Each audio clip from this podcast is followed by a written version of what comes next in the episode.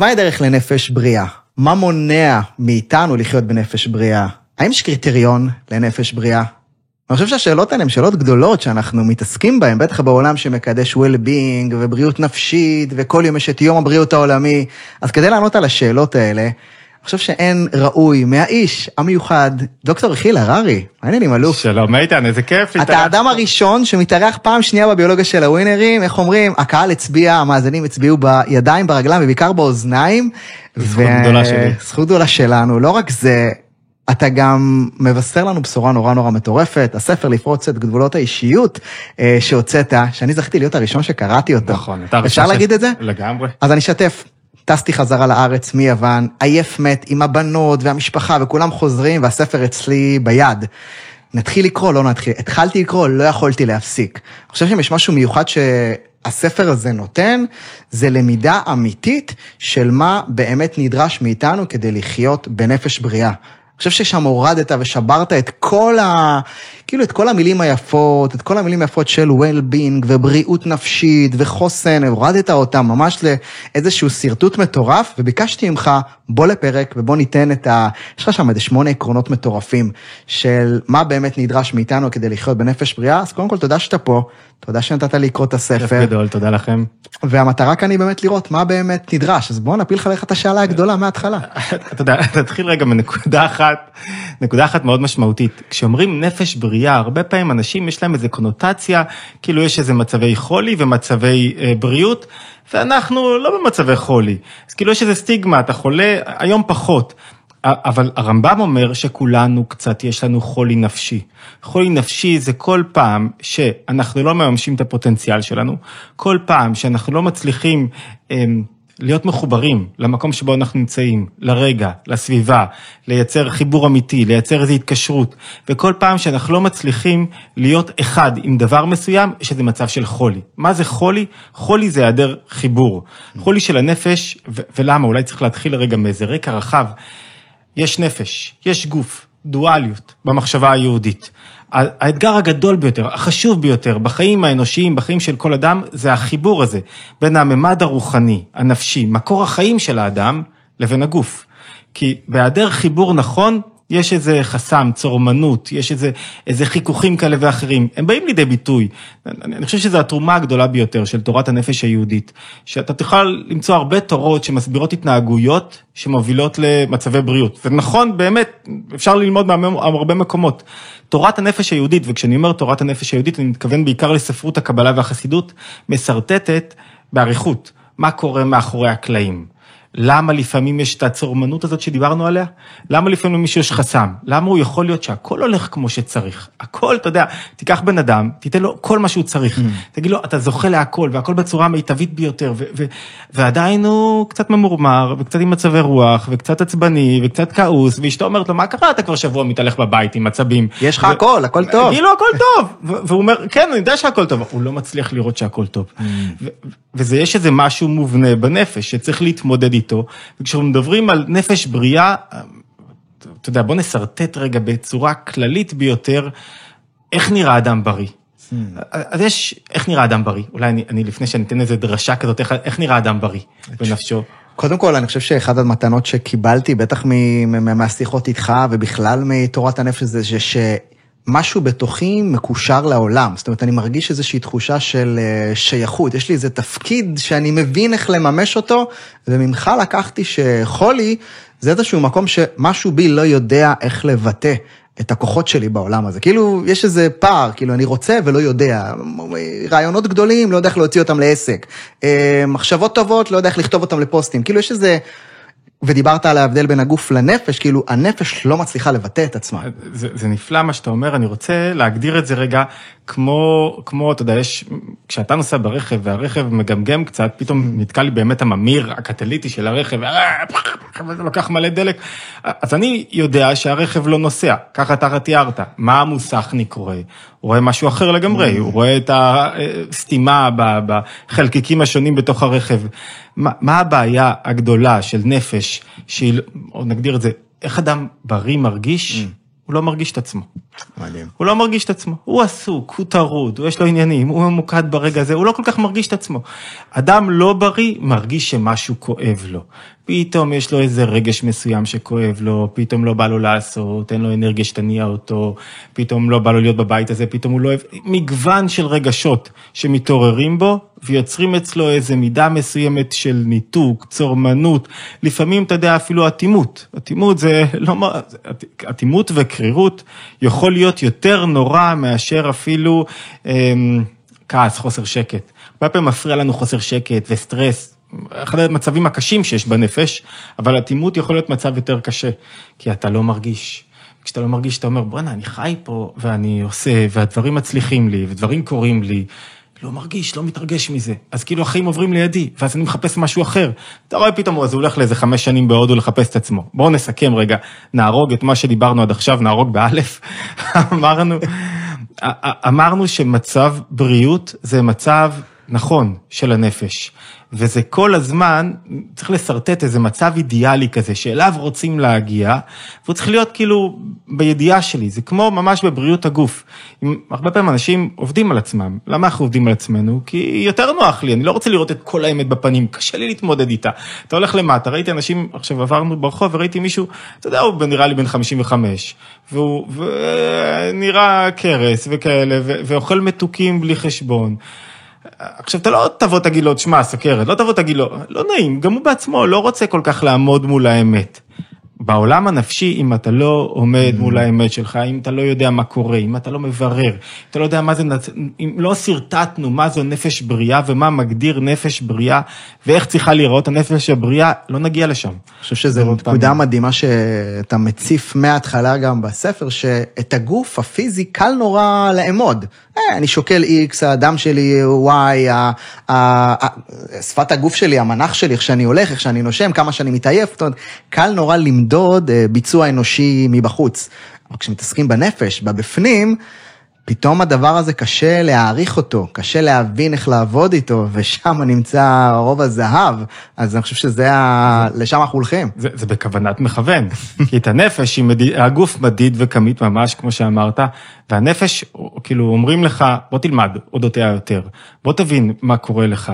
והרבה פעמים אתה רואה, בגיל, אני, אני פוגש חבר'ה כל הזמן, 30, 40, 50, זה לא משנה, 25, 18, פתאום, היה לו הכל בסדר, חיים טובים, זוגיות טובה, פתאום נופל עליו המשקל של העולם, באמצע, אז הוא חושב שזה מפה, הוא חושב שזה פתאום הכל תקוע, אז הוא מרגיש את זה צורמני. המטרה בדיוק כמו בבריאות הגוף, זה, נקרא לזה רפואה מונעת.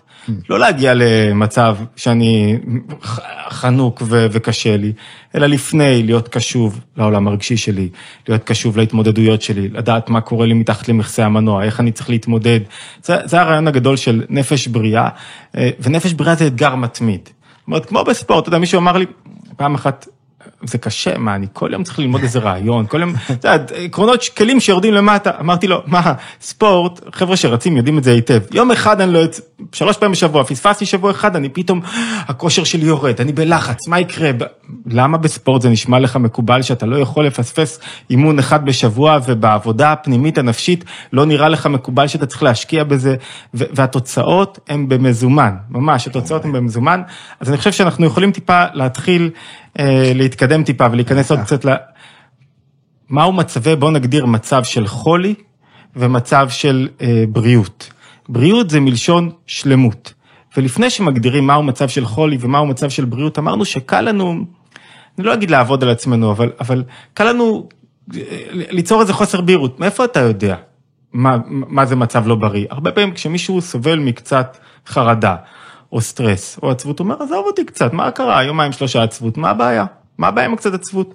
או סטרס, אחד מה... הרבה שיטות אומרות שסטרס, במינון נמוך, הוא מאוד יעיל, הוא מניע אותך לפעולה, לך תתווכח עם זה, הוא מוציא אותי בלי סטרס, קצת סטרס, אני לא קם, לא לומד, לא, אם המנהל בנק לא מתקשר, אני לא יזם את הפרויקט הבא, אם, אני צריך זה משהו שיניע אותי, הרבה פעמים. וזה לכאורה קשה להגדיר מהו מצב בריא ומהו מצב לא בריא. ודווקא בשביל זה ההגדרה היא מאוד חשובה, כדי שאני ידע בדיוק עם מה אני מתמודד. אם אין לי בהירות לאיך דברים צריכים להיראות, אני לא אגיע לשם. אמרנו את זה קודם באופן מסוים. אז בואו נראה רגע, מה יוצר דיברנו על נפש, דיברנו על גוף. מה יוצר את החציצה, את ההפרדה בחיבור ביניהם? מה מונע את החיבור הנכון ביניהם? אחד הדברים המרכזיים שמונעים חיבור ביניהם, יש הרבה לפני שנגיד את הדבר המרכזי, יש דעות קלוקלות. קראתי איזה מכתב של אה, אה, בחורה צעירה בת 18-19 שהתאבדה. וקראתי את המכתב שלה, ואתה אומר, כל הדעות שלה על החיים, כל האופן שבו ראתה את המציאות שלה, את, את החברות שלה, את איך שרואים, כל האופן שבו היא תפסה את הגוף שלה, היה פשוט מעוות מבחינה שכלית, היא לא, היא לא ראתה את הדברים נכון, כאילו אם הייתי רק יכול להחליף לה את זווית mm. הראייה על המציאות ועל החיים, אז לפעמים זה תובנות שכליות, לפעמים זה, אין לי חיבור לשקע, אין לי אנרגיות, אין לי מה שיניע אותי, כי אין לי רצון, אין לי אמון בעצמי, יש המון גורמים שיכולים לגרום לאי התאמה. בין הנפש לגוף, כי הנפש היא מקור חיים, והגוף הוא, אין, אין לו חיים משל עצמו, מי שראה אדם מת, כאילו אין לו חיות, החיות פשוט נעלמת. אז איך אני יוצר את החיבור? הנפש חייבת לצמצם את עצמה ולהתאים את עצמה. אפשר להבין את זה טוב, כשמישהו מתרגש מאוד, אז הוא מרגיש את החוסר רעש. אני מתרגש עכשיו מאוד מהספר החדש בימים האחרונים. לא, אני ממש מתרגש ואני רואה שאני פחות ממוקד. אני פתאום טועה כשאני מקליד, אני פתאום רואה ש...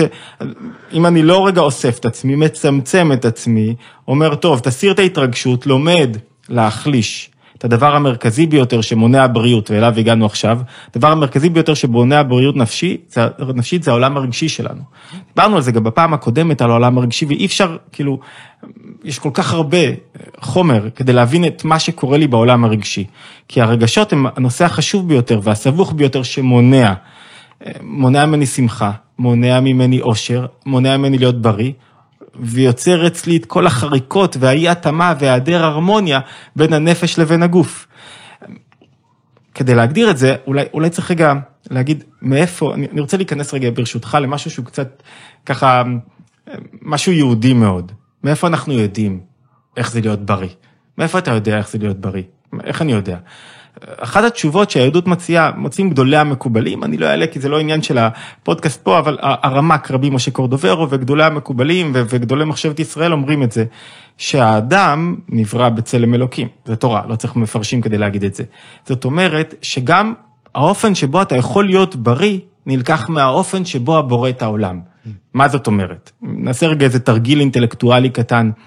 אתה מדמיין לעצמך את הבורא, נראה לך שזה יש בורא כזה שהוא פתאום יש לו איזה כיף של קריזה וכעס, פתאום יש לו איזה סטרס או חרדה, פתאום יש לו איזה אטימות רגשית, פתאום, הרי העולם הרגשי של הבורא, המידות שלו, נועדו לחבר אותו לעולם.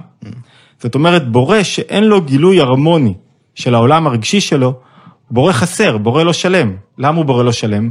כי הוא בורא שנשלט על ידי הרגשות שלו. בורא שלם הוא בורא שלא יכול להיות שהוא נשלט על ידי הרגשות שלו. בדיוק אותו דבר האדם. אם הרגשות לא מתגלים בצורה הרמונית, לא מחוברים לכוחות הגבוהים שלי, משהו חסר. אתה רואה בכל פעם איזה בחור בחוץ, שהוא פתאום יש לו איזה שאיפה, הוא רוצה להגיע לאנשהו, ואז מישהו חסם אותו, הוא יוצא, מקלל אותו, מרביץ לו. אתה כל יום יש איזה פרסומים על איזה מישהו דקר מישהו אחר. אתה שואל אותו, רגע, יש הרמוניה בין האופן שבו התנהגת לבין השאיפות הגדולות שלך בחיים. איך הגעת לשם? איך אתה מתנהג ככה? איך אתה, איך אתה, איך זה פתאום? באותו רגע נוצר מצב של חולי בנפש. כדי להגדיר חולי ובריאות, חולי, עוד פעם, אני מדגיש שוב, לא במובן של אמ, מונחים פסיכולוגיים רווחים, במובן של תורת הנפש היהודית. זאת אומרת, לכולנו יש מצבי חולי נפשיים. כדי להגדיר חולי, אנחנו נגדיר שני מצבים בנפש. אחד נקרא מצב של תוהו, ואחד נקרא מצב של תיקון. תוהו זה מצב, ועל ידי ההגדרה נוכל לדעת איך אנחנו משיגים בריאות נפשית בכל רגע ורגע, ומהי העבודה, ומה אם, קראנו לזה שמונה מסלולי עבודה, שמונה מאפיינים אולי של עבודה אה, אה, פנימית, נפשית, כדי להשיג כל הזמן איזה מצב של בריאות נפשית, כשאני יודע שאני נופל, נופל כל הזמן, אתה יודע, ברוך השם נפילות לא חסרות. אני כשקראתי אותם בכלל הם מבחינתי סוג של עבודה אינסופית, אבל הם משרטטים לי מצפן שאני יכול ללכת אליו. אגב, אתה יודע, כשאמרתי על מה, הספר הזה מכיל כל כך הרבה דברים, בכלל, תורת האישיות היא חתיכת uh, סיפור ענק. אבל משהו בשמונת העקרונות האלה, המסלולים האלה, הם כמו איזה מצפן שאתה אומר, טוב, אני לפחות יודע על מה אני צריך לעבוד, תכף ניכנס אליהם, אבל זה באמת כמו, אתה יודע, מין חוברת עבודה שלא הייתה לנו עד היום. תודה, אני מרגיש... לגמרי. אה, אני, אני, אני מרגיש באמת, אני, אני אומר את זה רגע בנימה האישית, שאחרי ספר 11, 11. זהו, זה לא אמרנו שזה הספר ה-11. טוב, לא יודע אם זה חשוב, כאילו, אתה יודע, כאילו, אתה מוריד, אבל אני מרגיש שהוא באמת בשל יותר מה... או לא פחות, כולם היו טובים, אבל הוא ממש בשל, כי עברתי איתו אה, שנתיים וחצי של אה, קורונה, והרצאות, ואנשים, ואין ספור, וגיבשנו. הוא ספר שעבר דרך אנשים. הוא עבר דרך אנשים, כן, הוא לא רק מלמעלה למטה, הוא גם מלמטה למעלה, ולכן הוא התגבש בצורה אחרת, זאת אומרת, הוא הביא את הרעיונות, את התיאוריות, את תורת הנפש היהודית, ובוא נפגוש אותה במציאות. זה, טוב, זה הערת אגב, נכנסנו בתוך העסק. אז אמרנו שבריאות זה מלשון שלמות, שלמות זה הרמוניה של כוחות הנפש, לקחנו את זה מאופן שבו הבורא מנהל את העולם, לא יכול להיות שבורא קריזיונר, ולכן גם לא יכול להיות שאני אחשוב שכעס זה דבר נכון, לא יכול לחשוב שסטרס יתרום לי, מה החלופה לכך, מה החלופה לסטרס. אז אמרנו שמצב, שיש שני מצבים, באופן גס, בנפש, בעולם הרגשי שלי. מצב של תוהו, מצב של תיקון. מצב של תוהו, תוהו זה כאוס, חוסר סדר.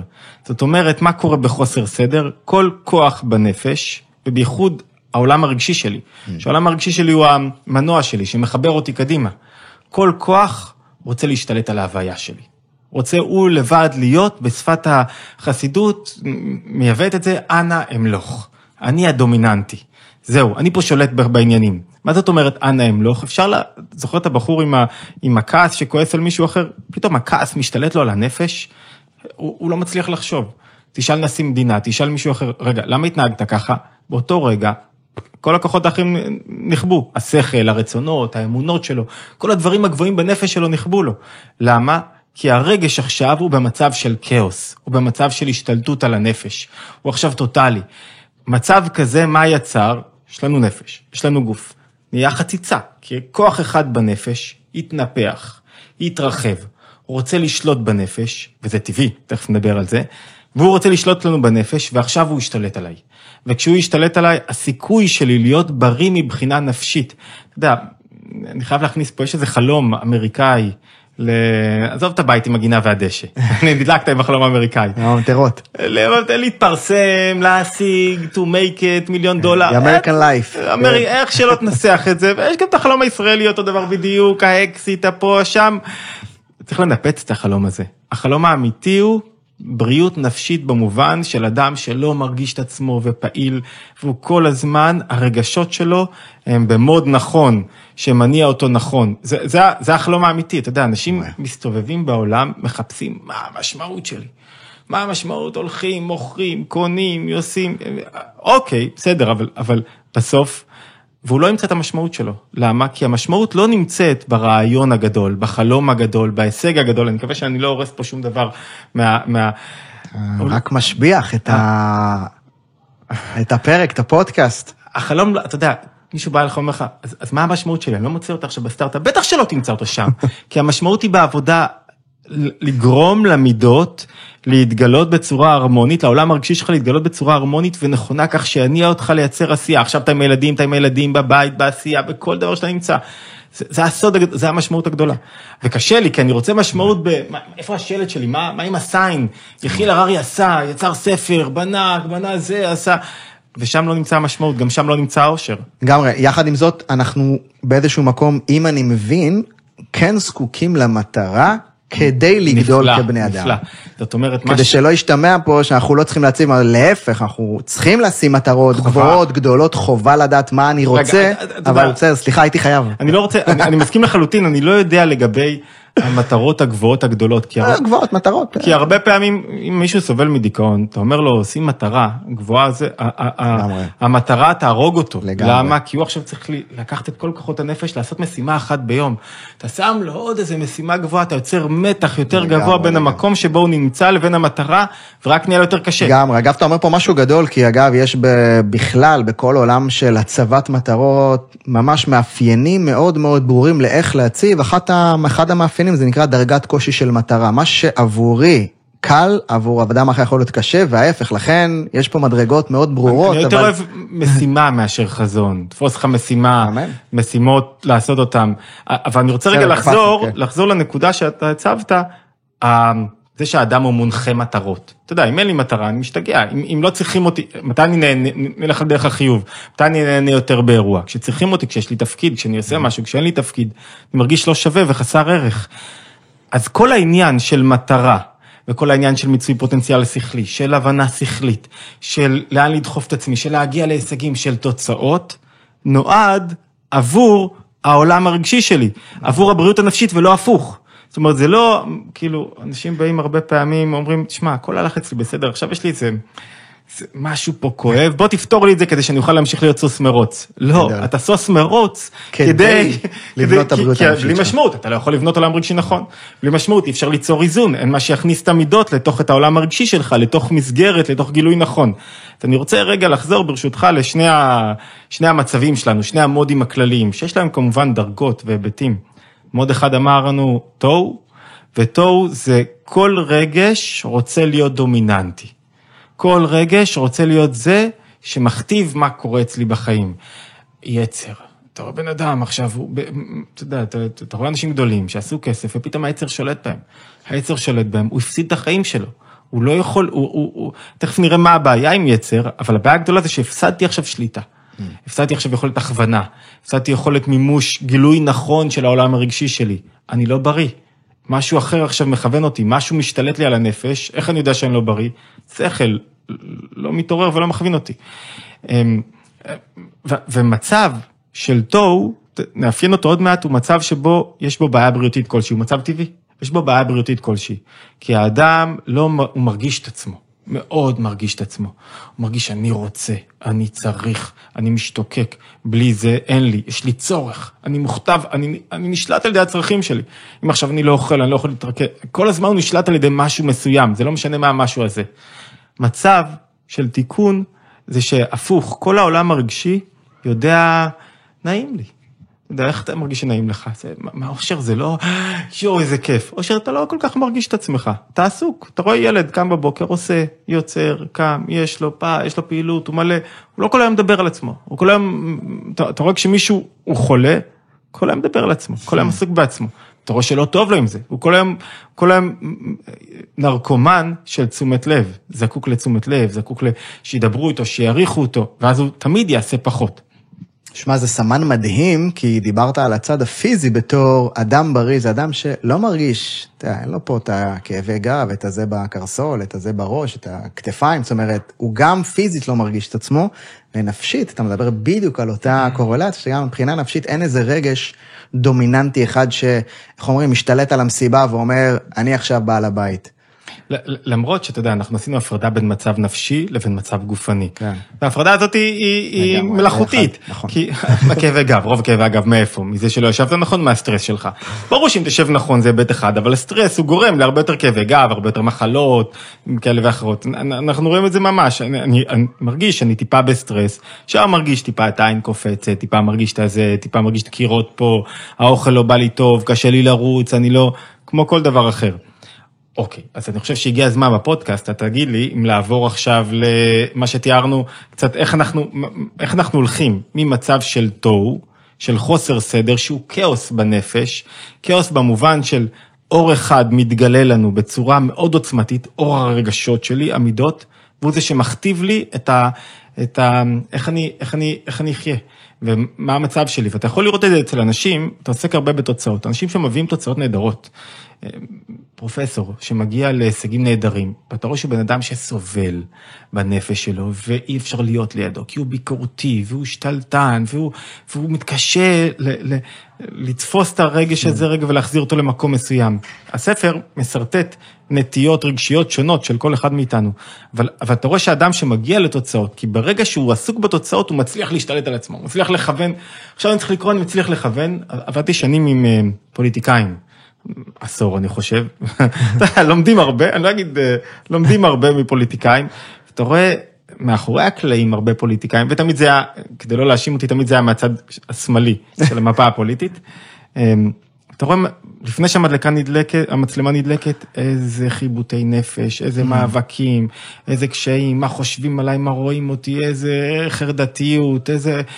זה נע בין חרדתיות לאומנופוטנטיות, בין אני כוחי ו... ו... ואין עוד שום דבר אחר חוץ ממני, לבין אה, אוי ואוי אוי, אני, אני לא שווה כלום, אף אחד לא רוצה אותי, לא יצביע לי יותר בפריימריז, לא אוהבים אותי, אני לא...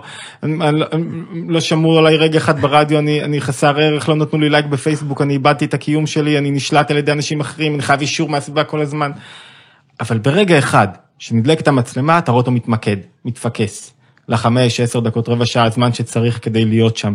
זאת אומרת, אתה יכול לייצר מצב של בריאות זמני, שבו אתה ממוקד, אבל השאר היום, בן אדם סובל, שווה, לא יודע אם שווה.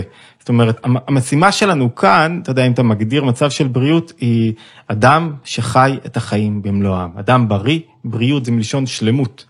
הבורא ברא, ברא משהו שלם, לא יכול להיות שמשהו חלקי. לכן, הבריאות הזאת היא דורשת כל הזמן להחזיק אותה, כאילו להחזיק את השלמות הזאת. חיים שלמים וטובים, אני אנסח את זה אולי אחרת לפני שניכנס לעקרונות. בבריאות הגוף מאוד ברור להגדיר מה לא טוב, מה לא בריא. וטבעי בדרך כלל זה בריא, נכון? אני יודע שאשתך כן, היא כן. מקצועית ב- ב- בתחום, טבעי זה בריא, כל אחד יודע, תקים שקית, אתה לא מבין את כל האיים שם מאחורה, את כל הדברים שם, אתה לא יודע מה, כאילו אל תיגע, בדרך כלל ג'אנק שדוחפים לך, אוכל מהונדס, אוכל אה, GMO וכאלה. לעומת זאת, בעולם הנפשי, כן. טבעי זה הלא בריא. בדיוק. כל מה שטבעי, תדע לך מסוכן. כל מצב בריא זה מצב של עבודה ותיקון, כי זה אומר שהאדם, העולם נברא לא מתוקן, האדם נברא לא מתוקן, והוא דורש את המאמץ שלנו, את היגיעה, כדי לתקן, שזה בשורה מאוד גדולה, נתנו לנו אחריות גדולה, ו- וכיף גדול, רק שלפעמים כשאתה לא רואה את זה נכון, זה נראה כאילו הכל נפל עליך. אבל זה משהו מאוד אופטימי, חביבי, לא נפל עליך, מצפים ממך, רוצים ממך. מדהים, מדהים. טוב, אפשר להיכנס, אתה אומר? לגמרי, מה אוקיי. זה? אה, אה, בוא נתחיל עם כמה מאפיינים אה, של, של מה זה בריאות נפשית, ואיך אנחנו מצליחים להגיע אליה, ומהם הדרכים להגיע אליה, אבל אה, תוך כדי ההגדרה, זאת אומרת, אני לא רוצה לנתק את ההגדרה של בריאות נפשית אה, אה, מהדרך להגיע אליה. אולי אני אגיד משהו אחר רגע, כדי שזה יהיה יותר מובן. הספר משרטט טיפוסי אישיות שונים. לכל אחד את הדרך הייחודית שלו. כל אחד יש לו את המאפיינים שלו ולכל אחד יש את הקרב שלו. אנחנו עכשיו עושים רגע זווית ראייה כזה, זום מלמעלה, ובתוך הזום הזה ננסה רגע להיכנס לפעמים לתוך היער עצמו, בתוך היער אתה לא רואה את כל התמונה כולה, אתה יודע רגע מה, איפה האור שאליו אני צריך ללכת, מה האזימות שאליו אני צריך ללכת, ו- ו- ומהי הדרך שאני צריך ללכת בה ואיך זה צריך להיראות, זאת אומרת, כל מה שאני מחפש את הנקודה, איך צריך להיראות פה. ולפעמים עולים לי למעלה ומסתכלים, אז ננסה רגע את שתי התנועות הללו. נקודה ראשונה, אחת הנקודות הכי חשובות, רגשות דה תוהו, מה הם עושים? הם לא מניעים אותי לפעולה.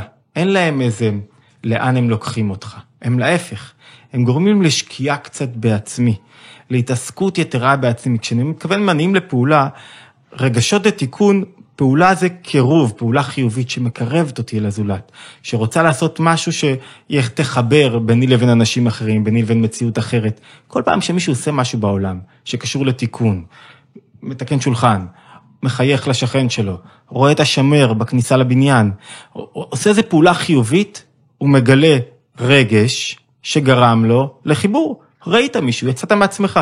כל פעם שמישהו עולה במעלית, לא רואה את השומר אטום, באותו רגע הוא כאילו לא היה קיים עבורו, הוא לא הביע כלפיו רגש. זה לא נורא כל כך עם השומר, אבל כשזה עובר לילדים שלך, לבית שלך, לחיים שלך, אתה פתאום לא מרגיש את העולם.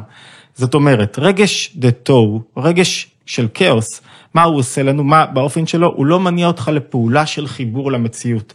הוא, לא, הוא יוצר ניתוק מהדברים ולא חיבור אליהם, כי המטרה הגדולה של רגשות היא לחבר אותי. זה המטרה של רגשות, לחבר אותי לעולם, לחבר אותי לאנשים, לחבר אותי לזולת, לחבר אותי לכוס מים. כאילו שום דבר לא סתמי. בלי רגש, אין שום קשר ביני לבין הדבר, אין קשר רגשי, יש קשר שכלי, אני מבין שאני צריך לשתות כוס מים, אני שותה כוס מים. כשיש לי איזה רגש כלפי הדבר, הוא פתאום תופס נוכחות עבורי. כשהוא תופס נוכחות עבורי, מה קורה? המילה הכי קסומה בחיים האנושיים, אחדות. איזה רגע של אחדות, רגע של אחדות זה רגע של מתיקות אינסופית שהתחברתי עכשיו עם משהו מסוים. אז רגש נכון, שאליו אנחנו רוצים להגיע, הוא רגש של חיבור. זאת אומרת, נעשה רגע אינדיקציה, אם אני יושב בבית וזה מעצבן אותי, והוא מעצבן אותי, וזה לא בא לי טוב, ויש לי ביקורת, וזה קורה לי מלא, כאילו, קורה לי מלא, אתה בתוהו, אתה נשלט על ידי רגש מסוים. זה אומר מנורה נדלקת, אנחנו עכשיו מציבים את הנורות, נורה נדלקת, שמע, אתה לא במקום הנכון. אתה לא, אתה לא הולך בדרך הנכונה, אתה הולך בדרך שלא תוביל אותך לשום מקום. אמרנו אנחנו במעבה היער, עכשיו המנורות שנדלקות הן לשום מקום, הן לא מחברות לשום דבר. כשהמנורה נדלקת ואני לכיוון הנכון, אני, אני, אני מרגיש, בואנה, תשמע, אני יכול לפרגן למישהו. אני יכול אה, לראות את האיכויות שלו, אפילו לקנא בו קינה חיובית וללמוד ממנו. לא לקנות בו, לקנא בו כי אני רוצה את מה שיש לו, לקנא בו כי אני אומר, בוא'נה, תראה איך הוא, איזה יופי איך הוא פועל, איך הוא עושה, אני גם רוצה ככה, אני גם רוצה להשתפר. אנשים גורמים לי להשתפר, בזכות זה שיש לי יחס רגשי חיובי להם. עכשיו, זה כל הזמן מאבק. אז אמרנו, נקודה ראשונה, רגשות דה טו יוצרים לי ניתוק, פירוד. רגשות של תיקון יוצרים מה? חיבור. עכשיו, הדבר שהכי נדרש זה קשב למצב הזה. כי בדרך כלל מצבי רוח, אתה יודע, אנשים לא מודים במצבי רוח. לא מודים שהוא עכשיו קנטרן, או לא מפרגן, או מעפן, להפך, הוא יעשה רציונליזציה.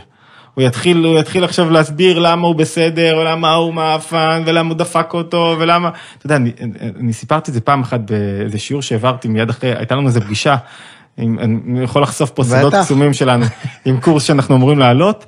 נגלה אה, הכל. לא לגלות הכל, אוקיי, אבל לא משנה, היה לנו פגישה חשובה, ושכרנו חדר באיזה מקום מסוים, והיינו אמורים לתת את החדר, אה, והתעכבנו עוד כמה דקות. כהרגלנו. דפקו לנו בדלת אה, שני החבר'ה שהיו אמורים להחליף אותנו, ואמרו, קדימה, זמנך, אז אמרת להם, כאילו, בצורה, אמרת להם בצורה, בצורה כל כך נחמדה, כל כך, אמרת להם, אני ממש מתנצל, יש לנו ממש עוד עשר דקות. אם אתם רוצים אנחנו נצא, אם זה בסדר מבחינתכם, נשאר עשר דקות להחלטתכם. החיוך שלך, החיבור שלך, היכולת שלך לראות את המצוקה שלהם כרגע שהם מחכים, העמיסה אותם. והכי קל להגיד, לא, לא, אני צריך עוד עשר דקות, או להתעצבן, או לצאת. הרגש שלך, מה קרה? לא השתלט עליך עכשיו רגש שמגיע לי, אה, דפקו אותי, אה, לא, או אני, איך אני שכחתי להעריך את האפליקציה, השתלט רגש חיובי. רגש חיובי נגלה, יצר חיבור באותו רגע לאנשים האחרים, הם נמסו באותו רגע, מוי שלך, אני אומר את זה ככה, וראיתי אותך בכמה מצבים, אתה פתאום מצליח לחייך למישהו, בזמן שכאילו אני הייתי עכשיו, אתה יודע, כאילו אחי, והיכולת הזאת מה יצרה? גילית רגש חיובי, יצר חיבור, באותו רגע המסת התנגדות, כי הוא צודק הבן אדם. זאת אומרת שהעבודה היא בעצם כמו. אתה יודע, קראת לזה מיון רגשות? זאת אומרת, מה אנחנו צריכים לעשות בשלב הזה? כי דיברת על, על לתפוס את עצמנו כזה על חם, להתבונן בעצמנו, להיות שם, זאת אומרת, איך אה, מתאמנים על המעבר הזה בין, אתה יודע, הרגשות האלה שלוקחים אותי אחורה, כי זה, אתה יודע, זה, זה כמו, זה, זה, אחד משמונה, אבל זה כאילו רגשות שמניעים לפעולה, אתה חי כשאתה שם. זאת אומרת, יש שם את זה. האם יש איזשהו משהו שאתה ככה ממליץ לעשות את המעבר מהרגשות האלה שנקרא להם מקפיאים אותך ומשאירים אותך במקום, לאלה שכן מזיזים אותך, שכן מצליחים להיות שם בתנועה, כי זה חתיכת עבודה, המעבר ביניהם. היופי, אתה יודע, התחלת ואמרת שיש פה תורה שלמה וכולי, אנשים שומעים הרבה עבודה נלחצים. כאילו, ובצדק, אחי, אחי, כן. תעשה לי את זה כמה שיותר קל, תביא לי את זה נקודה שתיים בקל וזה, לעוס, לא, לא בא לי כן. עבודה. ואני חייב להגיד שמהי עבודה? עבודה היא מודעות. מה זה עיקר העבודה? שאתה מודע. מה זה מודע? שאתה עכשיו מחובר לרגש הזה, ורגשות, אנחנו ככה מחברים בין כמה נקודות, רגשות הם מאוד זמניים. ואם אתה מצליח לתפוס רגע את הרגע הזה, עיקר העבודה זה להיות מודע לרגע שהתעורר אצלך. Mm. הבעל שם טוב, מייסד החסידות, אומר את זה בצורה מאוד יפה, הוא אומר, צריך להיות קשוב כל הזמן. אתה יכול לראות אנשי עסקים, כל הזמן קשוב לאינטרסים. דופקים אותי פה, אלה פה, מה הם רוצים פה. רגע, אתה קשוב לעולם הרגשי שלך, מה מעורר אותך, לא עכשיו חידוד אה, אינטרסנטי אם אני דופקים אותי פה או לא, שאם אני מרוויח מהעסקה הזו או לא. זה עניין בפני עצמו, צריך לדבר עליו, תחום אחר. התחום הנכון זה, רגע, איזה רגשות מתעוררים לי פה? אם זה רגשות שמחברים אותי, או רגשות שמנתקים אותי. עצם זה שאתה מודע, כשאני מודע לזה, אמרנו הבעיה הגדולה היא שאתה לא מוכן להודות. אם אתה לא מוכן להודות, אם מישהו ממשיך לאכול קורסונים, איך, איך, איך תגמול אותו? איך ת, ת, ת, תעשה לו איזה, איזה תוכנית אימון, עד שהוא לא, והוא צריך להגיד תודה רבה, איזה כיף שקלטתי שאני עכשיו לא שבע רצון. מדהים. ועכשיו אני עצבני. אז אני אומר, מודעות זה לפתח קשב. אני חושב שזאת נקודה מדהימה שחשוב שנשים אותה כאן, כי הנטייה היא לחפש את, תן לי את הפרקטיקה, תן לי את הכלי, מה אני עושה. ודווקא הבריחה מלהודות באיפה שאתה עכשיו, היא בעצם הדבר הכי גרוע, וניתן דוגמה אולי, אתמול אה, ככה באופן אה, ככה כיפי ונדיר, שאני פעם בנפגש עם כמה ספורטאים שלי, ישבתי עם אחד, והגענו לאיזושהי נקודה שבו, אתה יודע, וזה, וזה טבעי לכל בני אדם, בטח לספורטאים שכל הזמן, אתה יודע, הם מעריכים אותם, או מבקרים אותם, או תמיד כאילו יש מה להגיד עליהם. בפרונט. ואתה כל הזמן בפרונט, ומול העין, ומול עדשת המצלמה, וה- והקהל, ואני לא אשכח שאתה יודע, זה היה לפני דקה, התרגיל שהיה עבורו לקחת זה לא מה לעשות. זה אמרתי לו, אני רוצה שפשוט תתפוס את עצמך על חם, כמה פעמים הצלחת לקלוט את עצמך, מקבל הערה, ומסוגל לקלוט שקיבלת הערה ואתה עומד, מה שנקרא, לכבות מנוע, מה שנקרא, אתה יודע. בול. ואמרתי לו, אל תעשה כלום, אל תפתור, אל תתאושש, אל תעשה, אל תעשה שום, רק תחזור, שבוע הבא תגיד לי כמה פעמים הצלחת לתפוס את עצמך על חם. וזה אולי הנקודה שאנחנו בורחים מלהגיד, אני מרגיש כרגע בקנאה, אני כרגע בבאסה, אני כרגע בדאון, ואני חושב שדווקא כשאתה נותן לעצמך את האפשרות להגיד, שמע, אני כרגע בסטרס, אני ב down, אני נבוך, אני פגוע, אני... זה... אני חושב אחד השערים, לא יודע מה שאני אומר ככה מתחבר, לגמרי, אבל לגמרי, זה- אתה יודע, יש מלא פרקטיקות קטנות, אבל עד שאתה לא מודע, כשאתה עובד נגיד מטפל, מאמן, לא משנה מה, רב, מה- שלא תחליט, ו- והוא יכול לתת לך סדרה של כלים, תשים בבוקר מוזיקה, תקפוץ על הזה, תלך תרשום חמש פעמים, יודע, יש, יש, יש, כתיבה זה דבר מאוד תרפויטית, כתוב קנה לך חבר, קנה מלשון קנה, ת- תכתוב, ויש המון טכניקות, אבל עד שהוא לא נשבר האדם, נשבר בבחינה, במובן של מודה. אני מודה שאני עכשיו נשלט על ידי תוהו. לא יהיה שינוי. מדהים. לא, לא תצליח לזוז שום מילימטר קדימה, כי אני, כאילו, אני אזוק ואני יודע לתרץ, תאמין לי, אני אלוף בלתרץ את התוהו שלי, את החוסר בריאות שלי, וכולם אשמים. כשכולם אשמים, אתה בבעיה. אז מה שאנחנו מנסים לעשות כדי לייצר פה תנועה של שינוי, זה להבין רגע מה קורה בפנים, להבין את הניתוק, חיבור, שני מצבים בנפש. עכשיו, אין אדם כזה, אתה, אתה יודע, איתן, אחרי שהחמאתי לך, אני יכול עכשיו לקחת חזרה את ה... יאללה, נו, תן בראש, תן בראש, יאללה, חופשי. הברכה הגדולה זה כשנותנים לי בראש, זה כאילו לא... זה, אין כדבר אדם שכל הזמן בתנועה של חיבור. אני אלחץ לך על איזה יבלת, או שאפילו לא שום דבר חיצוני. אחד הדיונים החשובים בספרות, בתורת הנפש היהודית, זה מה משפיע עלינו יותר. אני לא רוצה לגלוש יותר מדי, אבל זה חשוב להזכיר את זה בעולם של בריאות נפשית, בריאות נפשית במובן של שמחה ואושר ומימוש פוטנציאל וכוחות, מה משפיע עליי יותר? העולם החיצוני, אימא נרקסיסטית, אבא צעקה, נכים ש- שכפפקפו אותי, או מציאות לא קשה, לא פשוטה, זה תמיד סובייקטיבי, או העולם הפנימי הרגשי שלי, הטבע המוטבע שלי. אחת השאלות הכי גדולות שיש, טראומות, או מה שנקרא בשפת הקבלה השרשה. אומרת, איך שנולדת, איך שבאת לעולם. והעולם, כשאני אומר העולם, אני לא נכנס לספרות פסיכולוגית, אבל הרבה תיאוריות נותנות המון, ויש המון מקום להשפעות סביבתיות. איפה חונכתי, איך גדלתי, מה התרבות, מה חוויתי, אירועים וכולי. תורת הנפש היהודית שמה הרבה יותר דגש, היא, היא לא אומרת שאין השפעה חיצונית, אבל הרבה יותר קל להתמודד עם השפעה חיצונית, לעומת המבנה האישיותי שלך, מבנה הנפש. זאת אומרת, כשאנחנו מדברים פה, אמרנו נעלה למעלה, נרד למטה, כשאנחנו מדברים פה על התמודדות, כל אדם יש לו התמודדות ייחודית ספציפית שלו, שאיתה הוא צריך לה- להכיר אותה, זאת אומרת, לא כולם התמודדו עם כעסים, אחד יותר עם כעסים, אז אני בטוח שלך, ניסיתי להגיד, כדי לשים אותך רגע על השרפרף שבו לך יש את ההתמודדות שלך, והיא במקום אחר, אז יכול להיות שהיא לא בלראות רגע וברגע להשתלט מהר על רגע של אה, מה מגיע לי, או בקורבנות, אבל, אבל יש התמודדות. אין אדם שאין לו התמודדות. למה? כי ההתמודדות זה המטרה הגדולה, זה, זה המתנה הגדולה. לא יודע, אני מושלם, לא יודע, לא מצאתי כלום בספר. מה זה, אני עצרתי בספר, מרקרתי על מרקורים. כולם אוהבים גם אותי, אתה חי הרבה, אתה יודע, אני אומר, אבל אני למה- אבל צנוע. איך הוא עלה עליי פה, אבל למה הוא עלה עליי פה גם בזה, ולמה בזה? ויש פה משהו מדהים, כי אתה בא ואומר, שנייה רגע, שזה באמת, אחד מבחינתי, לא יודע אם ה- השבירת מיתוסים, שבעצם ה- ה- מה שעברת בילדות, וזה, נכון, זה, ואתה מציף את זה, ואולי תדייק, מה שעברנו בחיים השפיע על מי שאנחנו היום. אבל זה, זה לא ה... לב הפועם זה של לא. לב הפועם של, ה, של האישיות שלך. זאת אומרת, כל אחד נולד עם, ה, איך נקרא לזה, עם, ה, עם הקלפים. שהוא קיבל. עם המידה, אתה יודע מה, בוא נדייק, המידות. המידה הדומיננטית שלו שבוערת בו. בדיוק, ולכל אחד יש את המידה הדומיננטית הסביבה ייתכן שתשפיע לטוב או יותר לרע, אבל בין אם הסביבה הייתה או לא, עדיין יש לנו עבודה על אה, מידה אחת, כל אחד עם המידות שלו, אחד יותר אוהב לפזר, אחד יותר קמצן, אחד יותר זה, ואתה מדבר בדיוק, על זה בספר מדהים. בדיוק. אני חושב שדווקא אל תחפשו תשובות, תחקרו את עצמכם, וזה אני חושב אחד הדברים ש...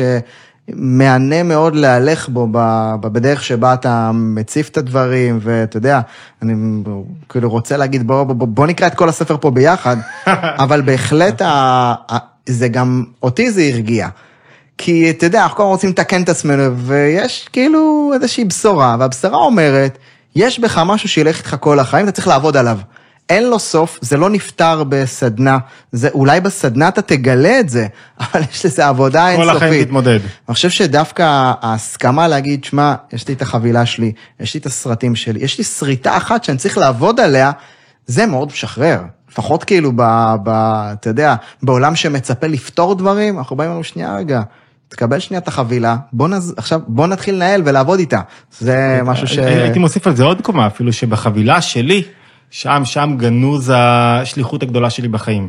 זאת אומרת, השליחות שלי לא בהכרח גנוזה בתוצאות, במה שאני אעשה, היא גנוזה בתוך החבילה, השריטה שלי שקראת לה, הרגש הדומיננטי שאיתו אני מתמודד. כן. שם נגיע לזה עוד מעט, ואז אני אומר, רגע, אני לא סתם ככה שרוט. לא סתם כזה דפוק. יש פה מתנה. לא, יש פה מתנה מאחורה. טוב, בוא נראה מה עושים עם המתנה הזאת. כן. בוא נראה איך מתמודדים איתה, בוא נראה איך אני מגלה אותה, בוא נראה איך אני מפחית את הנזקים שלה. לא הופך, אחד הדברים שהספר פותח בהם דווקא, היא שבבית המקדש היו, אמ, היו קרובים. קרובים זה משהו מאוד אניגמטי. זה, זה, זה כאילו אה, שני הפרצופים, הפסלים. כן, זה פסלים כן. אה, שהיו אה, אחד עם הפנים לשני, במקרים של חוסר שביעות רצון של הבורא מבני אדם, הם היו עם הפנים אחד בריחוק מן השני, אחד הפוך לשני, ובתשעה באב למשל הם התגלו חבוק, חבוקים, משהו מאוד מסתורי. עד היום משרטטים מלאכים על פי. איך שהיינו משרטטים את הקרובים בבית המקדש. ואתה אומר, מה זה הפסלים הללו בבית המקדש, בקודש הקודשים? הרי לא תעשה לך כל פסל ותמונה, מה פתאום שמו שם פסלים? יש הרבה שאלות, לא ניכנס אליהם עכשיו, כי הם לקחות אותנו למקום אחר. אחת השאלות הגדולות היא, איך נראו הפסלים הללו? מה היו הפנים שלהם? אז יש גמרא שאומרת, למי שלא מכיר, התלמוד, התורה שבעל פה, יש גמרא שאומרת שהיו להם שני סוגי פנים, אפי רברבי ואפי זוטרי, פנים גדולות פנים קטנות. מה זאת אומרת? אני בא לעולם עם פנים קטנות, עם העמידות שלך, עם ההתמודדויות, עם השריטות, עם הנפש הלא בריאה הטבעית שלך. המטרה הגדולה כשאדם נכנס לקודש הקודשים, בתוכו, להבין את עצמו, להכיר את עצמו, שיהפוך מאפי זוטרי, מהפנים קטנות לאפי רברבי, לפנים גדולות, לפנים שהוא אדם שיש לו איזה משהו כבר יותר גדול, הגדיל את המידות שלו, שהוא נע אחרת בתוך העולם. אז אמרנו, אה, הזיהוי, על ידי ההבנה של המידה אה, חיבור, ניתוק. קל לי מאוד להבין את החיבור ניתוק, זאת אומרת, אם את יושבת קצת עם בעלך, וההיא, וההוא, וזה, הסכנה היא, אנחנו לא מדברים פה בשם איזה עולם מוסרי של רכילות וזה, עזוב, זה, זה כרגע לא העניין. העניין כרגע הוא שזה מוליד בך ובך רגשות לא רצויים. ואז מתחיל להיות צורמנות, וכשאני מתחיל להתעורר ברגש לא רצוי, הרגש יתעורר. הוא רק, המושא עכשיו זה על האי השכנה, אחרי זה המושא יהיה על בן הזוג שלי. אחרי זה אני אתפוס קריזה על בת הזוג שלי. כי עוררתי רגשות לא רצויים, התגלה חוסר בריאות נפשית. זאת אומרת, הרגש הוא כוח מהנפש, הוא מחפש מושאים כל הזמן. איפה אני מתפוצץ פה? איפה אני מתפרק פה? זאת אומרת, אם אני לא אתן לו, אם אני אדע להחליף אותו, אחד הדברים שמבדילים בין בין תורת הנפש היהודית לתורות אחרות למשל, זה שהרגש הלא רצוי הוא טבעי, זו נקודה נוספת שלנו, השנייה, הוא טבעי, הוא מחכה לי שם כל הזמן. הוא רוצה להתגלות, הוא רוצה להשתלט לי על הנפש, הוא רוצה להתרחב, הוא טבעי לי במובן של אני לא צריך לעשות מאמץ כדי להיות כעוס, קורבן, ביקורתי, עצבני, לא מרוצה, לא שבע רצון, למרות שיש לי הכל. אתה יודע, דיברנו על טראומות ואירועים חיצוניים לעומת העולם הרגשי, אתה רואה אדם שיש לו הכל, ועדיין הוא לא שמח. Mm. אתה רואה אדם שיש לו הכל, ודברים הולכים כמו שצריך, ועדיין בסטרס מטורף. נו, אז אתה רואה שהמציאות החיצונית משפיעה מעט מאוד על העולם הרגשי שלו. היא משפיעה, אבל הרבה יותר זה העולם, האופן שבו העולם הרגשי מתגלה. אז אמרנו שרגשות לא רצויים, רגשות דתו הם טבעיים. טבעיים במובן של מה אתה מתפעל שאתה, שזה צומח בך ככה. הרגש הלא רצוי שלך, המנוע הלא רצוי שלך. רגשות רצויים הם לא טבעיים. זה מדהים, אני חושב שזה איזשהו רגע שבו, אתה יודע, אנחנו מרגישים לא נעים עם הרגע הזה, אבל בוא נודה על האמת, אני חושב שזה אחד הדברים שאנחנו אוהבים אה, לפחות לשתף אחד עם השני, ואני חושב שזה גם, אגב, מה שהמאזינים מאוד מאוד מעריכים. אתה יודע, עכשיו שהייתי בניו יורק ודיברנו על זה, שישבתי עם אה, הרב מניס פרידמן, אז אה, או, הוא אמר לי משפט ש... בהתחלה כזה היה נשמע לי זה, אבל אתה מחזק אותו בכלל, תורת הנפש היהודית, שם אותו על השולחן הכי בולד שיש. People are not content, אנשים לא שבעי רצון מעצמם. זאת אומרת, ב-DNA שלנו, אנחנו מובנים לא להיות שמחים, אה, שבעי רצון, מרוצים ממה שיש לנו. זאת אומרת, זה, זה, מה זאת אומרת? אמרתי לו, "אה, כאילו, אני אומר לעצמי, מה זאת אומרת? אבל אתה רק מחזק את זה, ונראה לי שעצם ההבנה הזאת קודם כל כבר מרגיעה. למה? כי זה טבעי שנרגיש לא שבעי רצון, זה לא טבעי להרגיש מלאים סופקים ושמחים ממה שיש. זה די מהפכני. למה אנחנו, אתה יודע, אני אשחק אותה רגע מה ספרנות, למה אנחנו מרגישים לא שבעי רצון? למה, למה אדם לא שבע, לא שבע רצון בטבעו? האמת שלא כל הטיפוסים, יש סוגי טיפוסים כן. שיותר קל להם להיות שבעי רצון. יותר קל להם, אתה יודע, עכשיו בוא נאכל טוב, בוא זה לשכוח, מה- מהר מאוד שוכח מההטרדות, הוא מהר מאוד מתגבר, יש לו את הסכנות שלו, כן. סכנות של התמכרויות, סכנות של... אבל, אבל אכן, רוב הטיפוסים מרגישים לא, רוב בני האדם מרגישים לא שבעי רצון, למה? מה הסיבה? אני לא שבע רצון כי אני רוצה שלמות, אני רוצה משהו גבוה יותר, מוצלח יותר. זה, ה- ה- המשימה, או ה... נטעו בי את חוסר שביעות הרצון כדי שאני ארצה לטפס. יש לך פה שלט נפלא, כל יום תהיה אחוז אחד יותר ממה שהיית אתמול, כל יום תהיה קצת יותר ממה שהיית אתמול. זה, אז היעדר שביעות רצון, כשהוא מתוקן, הוא מקור להנאה. מעולה, אסור כן. לאדם להיות שבע רצון. כן. מה זאת אומרת? אסור לך להיות שבע רצון מהחיים שלך ומעצמך. אבל הבעיה כשזה מתגלה לא נכון, כשזה מתגלה כרגש דה תוהו. מה זאת אומרת דה תוהו? שאני לא מצליח לראות שום דבר אחר. כמו אתה יודע, אדם ביקורתי שנכנס הביתה, אי אפשר להיות לידו. והוא, והוא הכל, הוא, הוא לא שבע רצון מכלום. מאשתו, מהבית, מהילדים, מכל מה שקורה, הוא כל הזמן, הוא כל הזמן ביקורתי על כל דבר ועניין, ואתה רואה שהחוסר שביעות רצון הזאת גורמת לו שהוא לא יכול לחיות את החיים באמת. הוא לא חי, כל דבר רע לו, רע לו, רע לו, רע לו. הוא מאבד את מקומו. זאת אומרת, צריך להחזיק פה הפכים. להיות מצד אחד להבין ששביעות רצון, דבר, כשהוא מתגלה בצורה שלילית, זה מלאך חבלה. זה יפרק לי את הבית, יפרק לי את הזוגיות, יפרק לי את החיים, אני לא חי. מצד שני, שביעות רצון במובן הרוחני שלה, הנכון שלה, המדויק שלה, כשאני יודע להחזיק שלמות, מצד אחד טוב לי בחיים, אני מרוצה, מצד שני אני רוצה לשאוף ליותר גבוה, אז, אז זה, כוח, זה כוח מניע אדיר ונכון שמוטמן לנו בתוך הנפש. ואתה יודע, אם אני חוזר לנקודה שלנו, אז אמרנו שרגשות אה, של כאוס, של תוהו, אז הם טבעיים במובן הזה שהם, ישר אני מרגיש חסר לי משהו. מה זה לא סביר? חסר לי משהו, יש פער, גאפ בין המקום שבו אני נמצא לבין המקום שאני רוצה להגיע. ולכן החסרון הזה יוצר אצלי רגש לא רצוי. אני, אני רוצה משהו, משהו לא טוב לי. אחד הדברים שאנחנו צריכים ללמוד כדי להתגבר על הרגש הלא טבעי, כשאני אומר על הרגש הטבעי, כדי להוליד רגש, כדי להוליד רגש לא טבעי, לא טבעי אומר משמעו שהוא דורש ממני מודעות, מאמץ, הוא לא בא סתם ככה, שמחה לא באה סתם ככה, אושר לא בא סתם ככה, הוא בא כתוצאה מאיזו עבודה מסוימת שאני עושה על עצמי, לכן אנשים באים להתאמן. אתה מתאמן, תתאמן גם, תתאמן גם על הנפש שלך. ו- ואחד העניינים המרכזיים זה כשאני פתאום לומד מה אני צריך לעשות, ואני לומד מה אני, ואיך אני מצליח להשיג שביעות רצון, אז אני פתאום יודע לנתב את החוסר שביעות רצון שלי למקום יותר גבוה. טוב לי עם עצמי, מצד אחד, מצד שני אני רוצה לטפס עוד קצת. אני יודע מה טבעי אצלי בנפש, אני מסמן את זה, אני נזהר מזה, אבל אני רוצה גם להפוך, ל- להגיע למצב לא טבעי. מצב לא טבעי זה מצב שבו, אתה יודע, אדם שמח זה מצב לא טבעי. כי מה אומר אדם שמח? הוא אומר, המציאות הכל טוב בה. פתחת פעם ynet בחיים שלך, אין רגע אחד של נחת, תמיד וואו וואו וואו מה קרה, הכל רע, הכל רע, הכל רע, זה, זה, נגדנו, השמאל, הימין, אה, מה אומרים לנו, כאילו, לא טבעי להיות שמח בעולם הזה, תמיד חסר משהו, מה, הכל אצלך בסדר, מה, לא חסר לך שום דבר, אין איזה בעיה, אם פה, שם, משהו, זה לא, זה לא טבעי, כדי להיות שמח צריך להחזיק הפכים ולדעת רגע לנהל את ההפכים הללו, מצד אחד, לא חסר לי שום דבר, אני יודע שאני אני רוצה להיות בריא, אז אני, אני לא בתנועה של חסך וקורבנות. מצד שני, אני, אני שואף להגיע למקום יותר גבוה, להתעלות עוד קצת, לעבוד עוד קצת, שיהיה לי מקור הנאה.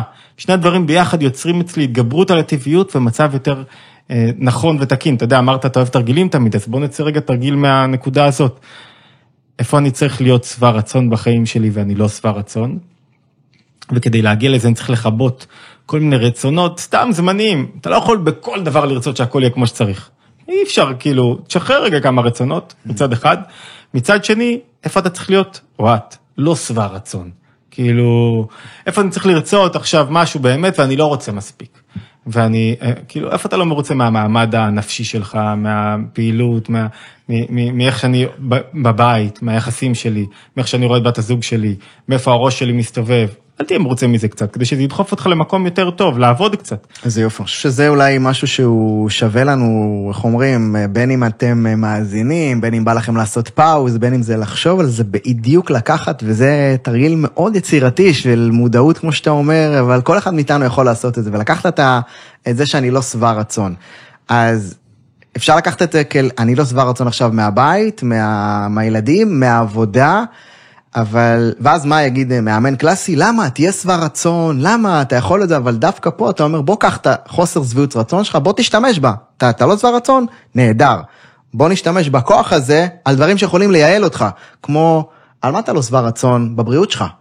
מעולה, תשתמש בחוסר שביעות הרצון הזה דווקא מניע. ככוח מניע, ולא ככוח שמכבה אותך באיזשהו מקום. אה, אתה פרפקציוניסט, אז בוא תהיה פרפקציוניסט בדברים שאולי כן יעזרו לך, ולא בלראות איפה העולם לא טוב. בלחייך בבוקר לאשתך. עולם האתר, תהיה פרפקציוניסט בלחייך בבוקר, נגיד. כל הזמן, זאת אומרת, יש פה איזה... איזה עבודה, וכמובן כל אחד יכול לקחת אותה אחר כך למקום שלו, אבל לא למהר, כמו שאתה אומר, לכבות את הרגשות הטבעיים, אלא כמו שאתה אומר, להשתמש בהם ככוח מניע למקום אחר. לגמרי. אה, זה, סופר מעניין, סופר לגמרי, מעניין. וזה... לגמרי. אנחנו נוגעים בנקודות בקצרנות מסוימת, כן. למרות שאנחנו כבר לא כל כך קצרניים, אני חושב ביחס ל... לגמרי, אה, ביחס ל-50 דקות פרק אנחנו זה, אבל אה, אבל, אנחנו... אבל, אבל אני חושב שבהחלט כל נקודה צריך להרחיב אותה כדי להבין אותה טוב יותר אצלנו, אבל בואו נדחוף טיפה קדימה כדי שנתפוס את המכלול. נקודה שלישית, אני שלישית חשובה. כן. אמ, רגשות של כאוס תמיד סביבך. בריח התיכון של כמעט כל הבנת הנפש.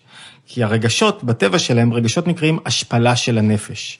זאת אומרת, אפשר להבין את זה קצת מהבורא שדיברנו עליו קודם לכן. יש לו מידות, המידות משפילות אותו, מקרבות אותו לתוך העולם. לכן הוא נקרא חתן, בלשון נחות דרגה. שהוא יורד מדרגתו, שאף אחד לא יבין את זה בצורה פמיניסטית לא נכונה, אני מהבית הכי פמיניסטי בעולם, זה הערת אגב לפני שירגמו אותנו, אבל הוא יורד מדרגתו, כדי להתחבר עם העולם. זאת אומרת, הרגשות, אם יש נפש, שהיא מקור, שהיא מקור החיים, ויש רגשות, אז הרגשות צריכים להצטמצם ולהתגלות בתוך הגוף, ולכן הם נקראים השפלה של הנפש, כי הם מורידים את הנפש, הם מקרבים אותה, מורידים אותה ממקום הגבוה שלה ומחייבים את הקרבה שלהם. הבעיה, שאני מרגיש, שם אני מתחיל להיות קיים, שם יש לי ישות. הבעיה של רגשות של כאוס, רגשות לא בריאים שמסוכנים לי, שאני מרגיש את עצמי כל כך. בוא נוריד את זה למטה. אתה מדבר עם מישהו שהוא בעצבות, דיכאון, הוא כל הזמן מדבר על עצמו, חרדה, אגו, הוא כל הזמן מדבר על עצמו. הוא מדבר על עצמו, מדבר על עצמו, מדבר על עצמו בלי הפסקה. טוב, זה בסדר לדבר על עצמך מדי פעם, אבל יש איזו בדיחה שאני מת עליה, כל הזמן מספר אותה, שזה נורא לחזור על בדיחה פעמיים, על זה שיוצא עם מישהי והם יוצאים והוא מדבר על עצמו במשך שעתיים, ואחרי שעתיים הוא אומר, טוב, את יודעת מה? דיברתי על עצמי מספיק, מה עכשיו את חושבת עליי? בוא נשמע אותך. אה, כאוס זה כאני, ואז אני מתרחב, מתרחב, מתרחב, רואה, זה כאילו כמו, רואה רק את עצמי. תיקון, לא אתה, אתה כלום.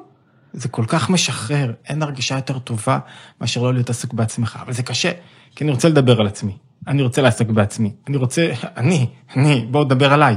אז, אז זה כל כך משחרר להגיע למצב הזה שבו אני לא עוסק בעצמי.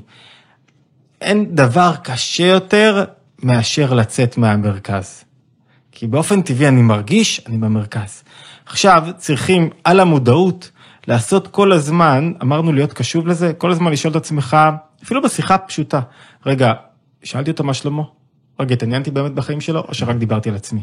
רגע, אני מתקשר לחבר שלי כדי לשפוך, לדבר, לא שזה רע לפעמים, אבל אם זה הפך להיות, זו התנועה המרכזית שלי, שאני רוצה חברים כדי שהם יקשיבו לי, ישמעו לי, יוכלו לשאת אותי, ואני מדי פעם מוכן טיפה להקשיב להם, mm. כי אין, אין ברירה, צריך לשלם את המס של האינטרסים. אז אתה כל כולך עמוס בעצמך, והרגשות הם לא טובים, כי זה רגשות של כאוס. למה? אני לא בריא, למה? כי אני מדבר רק על עצמי. עכשיו, עכשיו זה במובן, אתה יודע, הקל של שיח בין חברים. זה מתפתח כשמישהו עכשיו בלחץ מהעבודה שלו. הוא רק חושב על עצמו, הוא לא רואה את ההתמודדות של אשתו, של הילדים שלו, הוא לא מצליח לראות שום דבר.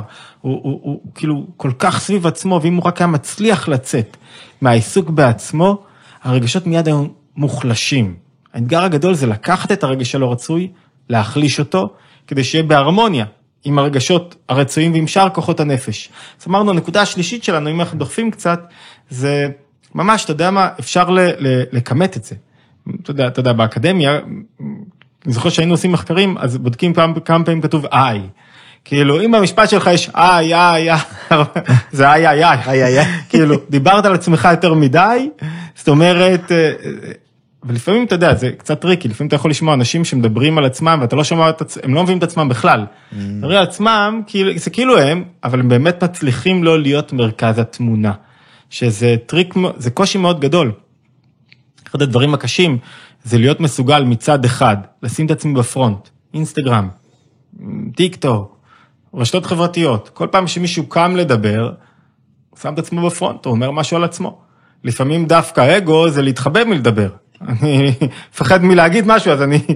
אז, אז, אז אני לא עולה לרשתות. הקושי הגדול זה מצד אחד לקום, לדבר, להגיד, מצד שני, זה לא אני, לא עסוק בעצמי. וכדי שזה יקרה, אני צריך להיות מרכבה למשהו אחר. זאת אומרת, אני צריך להוביל תוכן אחר, להיות מרכבה לעניין אחר. אז זו הנקודה השלישית שלנו. אה, אני לא אסכם, אני אדחוף עוד טיפה קדימה, כן, נכון? כן, בטח. אוקיי. נקודה אה, רביעית שהייתי רוצה לדבר עליה, שרגשות של כאוס לא רצויים, שגורמים לחוסר בריאות נפשית, הם, הם הרבה יותר, אמרנו שהם טבעיים, אבל הם גם הרבה יותר קבועים בנפש. תיזכר רגע, כל פעם שנגיד סבלת מחרדה, זה אגב חרדה בגיל 16, וגם בגיל 8 וגם בגיל 25, אז כנראה הרגש הזה חוזר והוא דומיננטי בחיים שלי. Mm. רגשות אה, מתוקנים הם לא יציבים, הם משתנים במהירות. מה אני רוצה להגיד? אני רוצה, זו בשורה מאוד גדולה לכל מי שמרגיש רגע עכשיו רע עם עצמו, או שהיה לו איזה רגע של אהבה והוא התנדף לו פתאום, או שהיה לו איזה חיבור גבוה ופתאום מרגיש שהחיבור התנדף, לא, אל תעבוד על עצמך. רגש טוב הוא נזיל, הוא משתנה במהירות, בגלל שהוא לא טבעי, אז הוא לא מחזיק מעמד לאורך זמן. הוא נגוז אחרי זמן קצר, כל הזמן צריך להיאבק עליו, להילחם בו, אל תחשוב, אל תסתכל עכשיו על איתן עזריה, תראה שהוא כל הזמן מחייך, לא, הוא גם עושה את הקרבות שלו. אני בכוונה נפלת לי קורבן לתוך לא, המסגרת פה. חשבתי שאת זה, אתה חושף הכל, סתם. אז אני אומר, זה משהו מאוד מנחם להבין שהתוקף של הרגשות הלא רצויים הוא זמני, מוגבל, ולדעת, אתה יודע, אני יודע שמשהו נגמר ואחריו יש תמיד בכלל, נגיד איזו אמירה כללית. אמרנו יש נפש, יש גוף, אני חוזר לבייסיקס, כמו באמנויות לחימה, לתנועות הראשונות. אז זה לא שהנפש היא מקור חיים של הגוף, כל הזמן מחזיק, מחזיקה את הגוף ומחיה אותה. היא פועלת בצורה של דפיקו דליבה, דפיקות הלב, כמו נשימה ונשיפה, mm-hmm. כמו כאילו עם החיה וכוחות חוזרים למקורם. אני מתאמץ כמו שריר. כדי, הרי אתה יכול להגיד לי יותר טוב, שכדי שהשרירים יתפתחו חייבים את הימי מנוחה. ימי מנוחה תורמים לה, אה, להתפתחות של השירים יותר מאשר אפילו הספורט עצמו, או לא פחות. זאת אומרת, אותו דבר במצב הנפשי. אם יש לנו רגע אחד של אה, שקט, והרגשות חוזרים למקורם, ופתאום אני מתעורר בי איזה שקט, לא להיבהל מזה. לא להיבהל מזה. אתה בא לומר בעצם שלא להיבהל מה-up and downים שמתקיימים ברגשות שלנו, כי הם חלק, מה, הם חלק מהסיפור. בדיוק. וזה בדיוק מתחבר לנו, אתה יודע, אני תמיד רואה את הבנות שלי, אז אתה יודע, לפעמים כשהן, אתה יודע, יותר מדי זמן ביחד, אז הן רבות, ו... תזכיר לי גילאים? הם חמש ושבע, אתה 아. יודע, זה כאילו חברות שזה או best buddies, או שהן כאילו, אתה יודע, מלחמת, אה, מלחמה אמיתית. והמהירות שבהן הן יכולות לשנות את ה... אתה יודע, את מצב הרוח שלהם הוא היסטרי, כאילו, אתה יודע, אני לפעמים רואה אותם רבות, אני יכול להתבאס, כאילו, בואנה, אתם הייתם עכשיו עשר שעות ביחד, והיה לכם כיף, ופתאום התבאסתם, ועבורן הם בשנייה יחליפו את המצב רוח הזה, וזה וזה בדיוק אולי מה שאתה מתאר, שאני חושב שזה גם בשורה די מרגיעה של כאילו לא, אחד, וגם לקחת את זה למקומות הפיקים והשיאים שלנו, גם אותם אנחנו לא יכולים לאחוז ול, ולשמור אותם לעד, כי זה, גם זה יחלוף. זה בשורה אדירה בתחום הזוגי. שאתה יודע, רגע, אם התרחקת טיפה, ואתה כאילו חושב שאתה לא אוהב יותר, רגע, זה בר שינוי, כן. אפשר להתגבר על זה מהר מאוד, הרגש הוא נזיל, רגש מתוקן, משתלט עליך עכשיו רגש טבעי, לא מתוקן, של כאוס, אפשר לשנות את זה. אל, אל, אל תיבהל מזה עכשיו שאתה פתאום מרגיש שאתה לא אוהב. אהבה היא לא שיש או שאין, אהבה היא תוצר של עבודה אמיתית והתבוננות אמיתית. זה, זה, אתה יודע, וזה ממקום אחר, גם מישהו שרגיל פתאום לבמה. וחווה פתאום איזה חוויה של אפס, ופתאום יש לו דאון, כאילו חווה איזה... רגע, אל תיבהל מזה שאחרי שעלית לבמה ודיברת, יש פתאום אתה חוזר להיות אדם כן. פשוט. התנועה הזאת, מה שאנחנו מנסים להגיד, שהתנועה של רצו ושוב, היא כל כך טבעית וכל כך רצויה שצריך ללמוד אותה. ואם אנחנו במצבים שבהם אני בעצם עכשיו צריך רגע להוריד כוחות, לוחץ על הגז יותר מדי, ומתבאס, ומרגיש ש...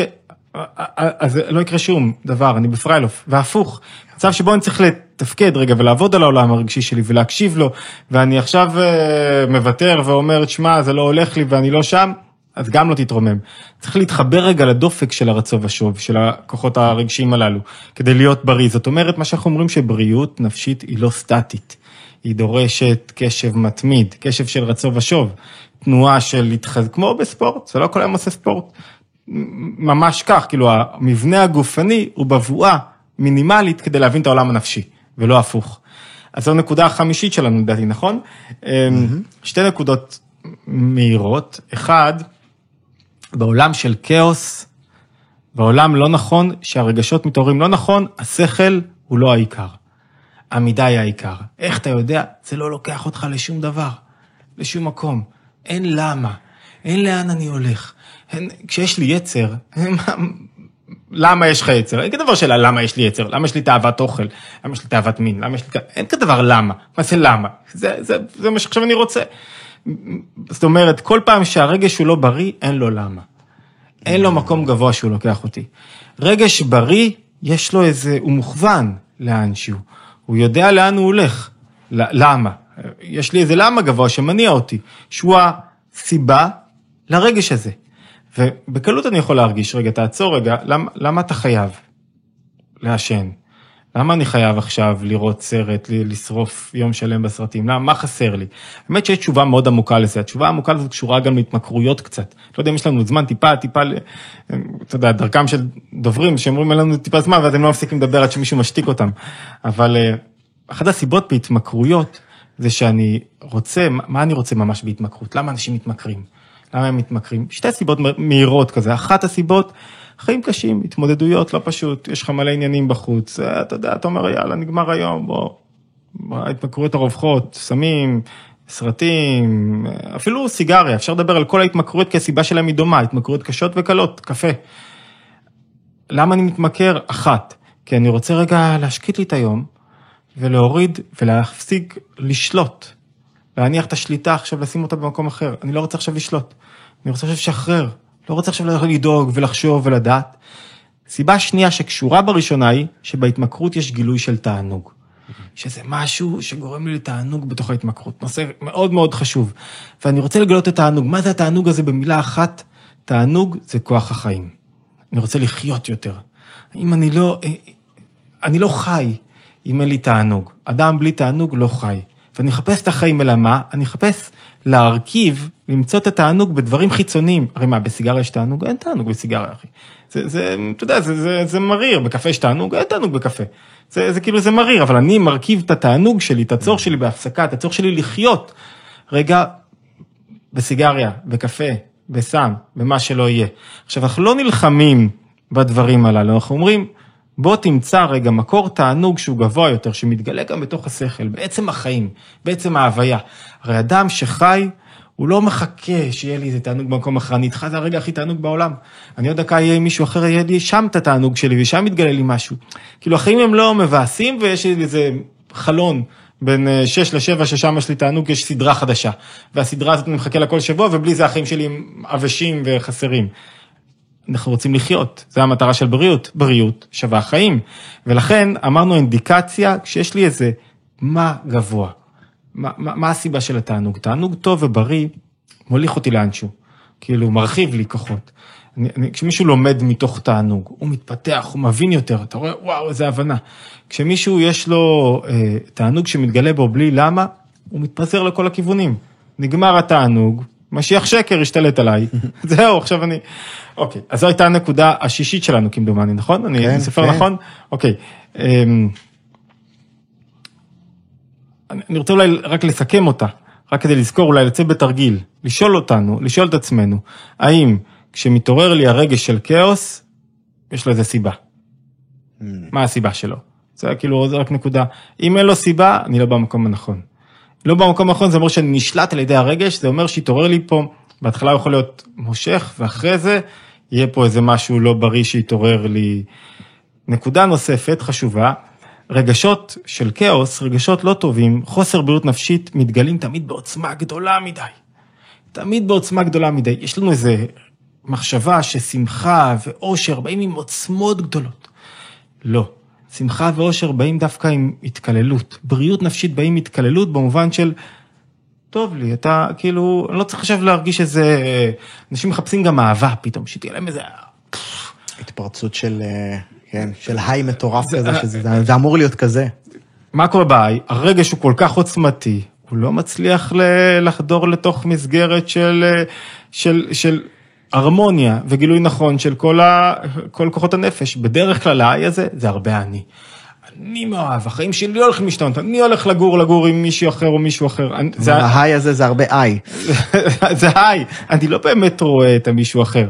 אז הנקודה שלנו היא אומרת שרגשות של כאוס, בגלל שהם כל אחד רוצה, הם טבעיים, למה? כי הם מתגלים מהשורש שלהם, מעצם הנפש, זה נקרא, והם רוצים להתגלות בעוצמה גדולה, ואז הם כל כך חזקים, שהם לא מאפשרים לשום רגש אחר לבוא לידי ביטוי. אתה יודע, ניקח את זה ממקום שאולי אנשים יתחברו אליו יותר, אף אחד לא יכול ללמוד אם הוא לא מנמיך את הווליום של הרגשות. והוא לא ירים את עצמו ללמוד אם הוא לא ירים קצת הווליום, ואז כשהוא יושב ללמוד הוא חייב להנמיך. למה? כי הכוחות, אני לא יכול ללמוד, להתרכז בו זמנית ולהתרגש. כדי ללמוד, אני חייב לכבות את ההתרגשות. כדי להתפתח במשהו, כל אדם שלומד בכל תחום, זה לא משנה מה, אתה רוצה להתפתח, אתה חייב רגע לשלוט במתג הזה של העולם הרגשי שלך. אם אתה לא שולט בו והוא שולט בך, עברנו ממצב של בריאות למצב של היעדר בריאות, אמרנו בריאות, כל הכוחות מתגלים בהרמוניה. אז, אני חייב להקשיב רגע לעוצמות הללו, ולשאול את עצמי, רגע, איך אני מקטין טיפה את העוצמה? הקטנת העוצמה, אני מחזיר אותך לשיחה שהייתה לנו לפני כמה חודשים, הקטנת העוצמה היא דבר מאוד חשוב, מאוד משמעותי, אבל היא יוצרת לי אצלי את הבריאות הנפשית. אמ, נקודה אולי אחרונה, הכי משמעותית שאני חושב, אמרנו, אתה זוכר שבתחילת השיחה דיברנו על זה שהרגשות הלא רצויים מבטאים את תכלית האדם. זאת אומרת, זה לא שאני סתם אחד שסובל עכשיו מחרדה, או אחד שסובל עכשיו מכעס, או אחד שסובל מאטימות, או אחד שסובל מקנ- מקנאה, או אחד שסובל ממקפדה, מקפדנות, או מצרות עין, או מקמצנות אמרת, או מפזרנות, או מחוסר יכולת להסתדר, או מדחיינות. זה לא סתם.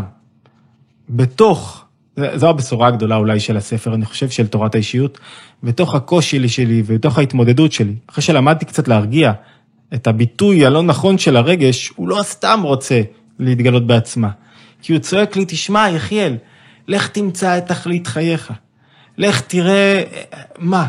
והמה הזה קשור במוטיבציה גבוהה של העולם הרגשי שלי. אם, אם אני, אתה יודע, בוא נשרטט רגע, אנשים שונים יש להם מוטיבציות שונות. לא לכולם יש את אותה מוטיבציה, כולם רוצים להרגיש משפיעים. העניין של משפיע הוא מאוד חשוב. אני רוצה להיות אדם שמשפיע על העולם, למה אני רוצה להיות משפיע על העולם? כי, כי בלי השפעה, מה הערך שלי? כדי להשפיע אני חייב לקבל קצת, אם אני לא מקבל אני לא מתפתח, אני לא יודע ללמוד, ללמוד, להיות קשוב, לזכות בהשראה זה לקבל, להשפיע זה ביטוי הערך העצמי של האדם, אבל אנשים שונים משפיעים בגלל סיבות שונות. כל אדם משפיע בגלל סיבות שונות, זה מאוד מעניין לדעת כל אחד מה הוא המשפיע. זאת אומרת, בואו נראה רגע בקצרה מה תכלית החיים של כל אדם. אם יש לנו עוד דקה או שתיים ככה, עוד כמה... אחרי שזרקת את הפרומו הזה, מה, אנחנו יכולים... בוודאי. אוקיי. אז יש כמה מניעים שגורמים לנו, שהם המניעים הגדולים של החיים שלנו. שאם הם מתגלים לא נכון, אכלנו אותה. זאת אומרת, מה זה אכלנו אותה? אני לא בריא. מה זה לא בריא? אני משלם מחיר רגשי. מחיר רגשי שהביטוי החיצוני שלו זה אה, קשרים אה, שאין בהם חיבור, חוסר שביעות רצון, לא נעים לי ולא נעים לאנשים שסביבי וכולי. אבל אם אני מגלה את המנוע שלי, אני יודע לאן אני שייך. אני יודע לגלות עולם רגשי נכון. יש כמה מנועים רגשיים של אנשים ברחבי העולם, כל אדם, יש לו את מינונים שונים של אחד מהמניעים הללו. בוא, יש אדם שהמניע הגדול שלו הוא דווקא הם, לגלות את האמת. לבדוק, לשאול למה, זה מה שמניע אותו. לברר מה, מה, מה נכון, מה לא נכון, הוא חייב להגיע לחקר הדבר, הוא חייב שהדברים יסתדרו בדיוק כמו שהוא צריך, ואתה רואה שהטיפוס הזה, אני לא ארחיב על כל הטיפוסים, אבל אתה רואה שהאדם הזה, הוא, הוא תמיד ישאל, רגע, למה זה ככה? מה עומד מאחורי הדברים? אם הוא מגלה נכון את המניע שלו, את הלמה שלו, אז הוא יכול להיות אדם שהוא גם חוקר, מברר, מביא לעולם את היכולת ההפשטה שלו, מביא לעולם את יכולת המיקוד שלו. זה המעלה הגדולה שלו. לעומת זאת, אם הוא לא מגלה את הכוח הזה בנפש שלו, אם הוא לא מגלה את הלמה בצורה נכונה, אז הכוח הזה יתגלה בביקורתיות, mm. בעצבנות, בחוסר שביעות רצון, בכעס, כי הוא כל דבר יהיה לא מרוצה משום דבר. במקום לברר רגע, למה, אתה, אתה יודע, אחד התרגילים שאני אוהב לעשות זה לצאת מעצמי רגע. אני, אני לא מרוצה, אני יוצא רגע מעצמי, ואני מסתכל על עצמי מהצד. יש לנו את היכולת הזאת בגלל שהמחשבות הן לבושי נפש, ובגלל שהן לבוש אני יכול להסתכל על המחשבות. ולהגיד לעצמי, רגע, על מה אתה לא מרוצה באמת? מה עומד שם מאחורה? מה, מה העניין? ואז אני לוקח סיטואציה שמאוד צורמת לי, מאוד קשה לי, מאוד יש לי אתגר איתה, מסתכל עליהם מהצד ופתאום נפתרת, כאילו, למה? כי אני כבר הופך להיות חוקר. אני הופך להיות האדם שבורר ובוחן מה, מה קורה לי שם ומה האתגר שלי. אז אמרנו, לבדוק מה התכלית שלי. אחד, תכלית אחת, אדם שהוא חוקר. יש אדם שהמניע שלו היא לא חקר, אלא היא דווקא לעשות טוב לאנשים. לתת, לעשות חסדים. אם הוא יתנכר לכוח הזה בנפש שלו, הוא עשוי למצוא את עצמו בכל מיני עבודות, כאילו, מה עכשיו נהיית לי עורך דין? מה, אתה, אתה אדם שרוצה לעשות טוב לאנשים, מקווה שלא יבעלו, לא, לא אלינו עורכי דין שלנו פה בקהל.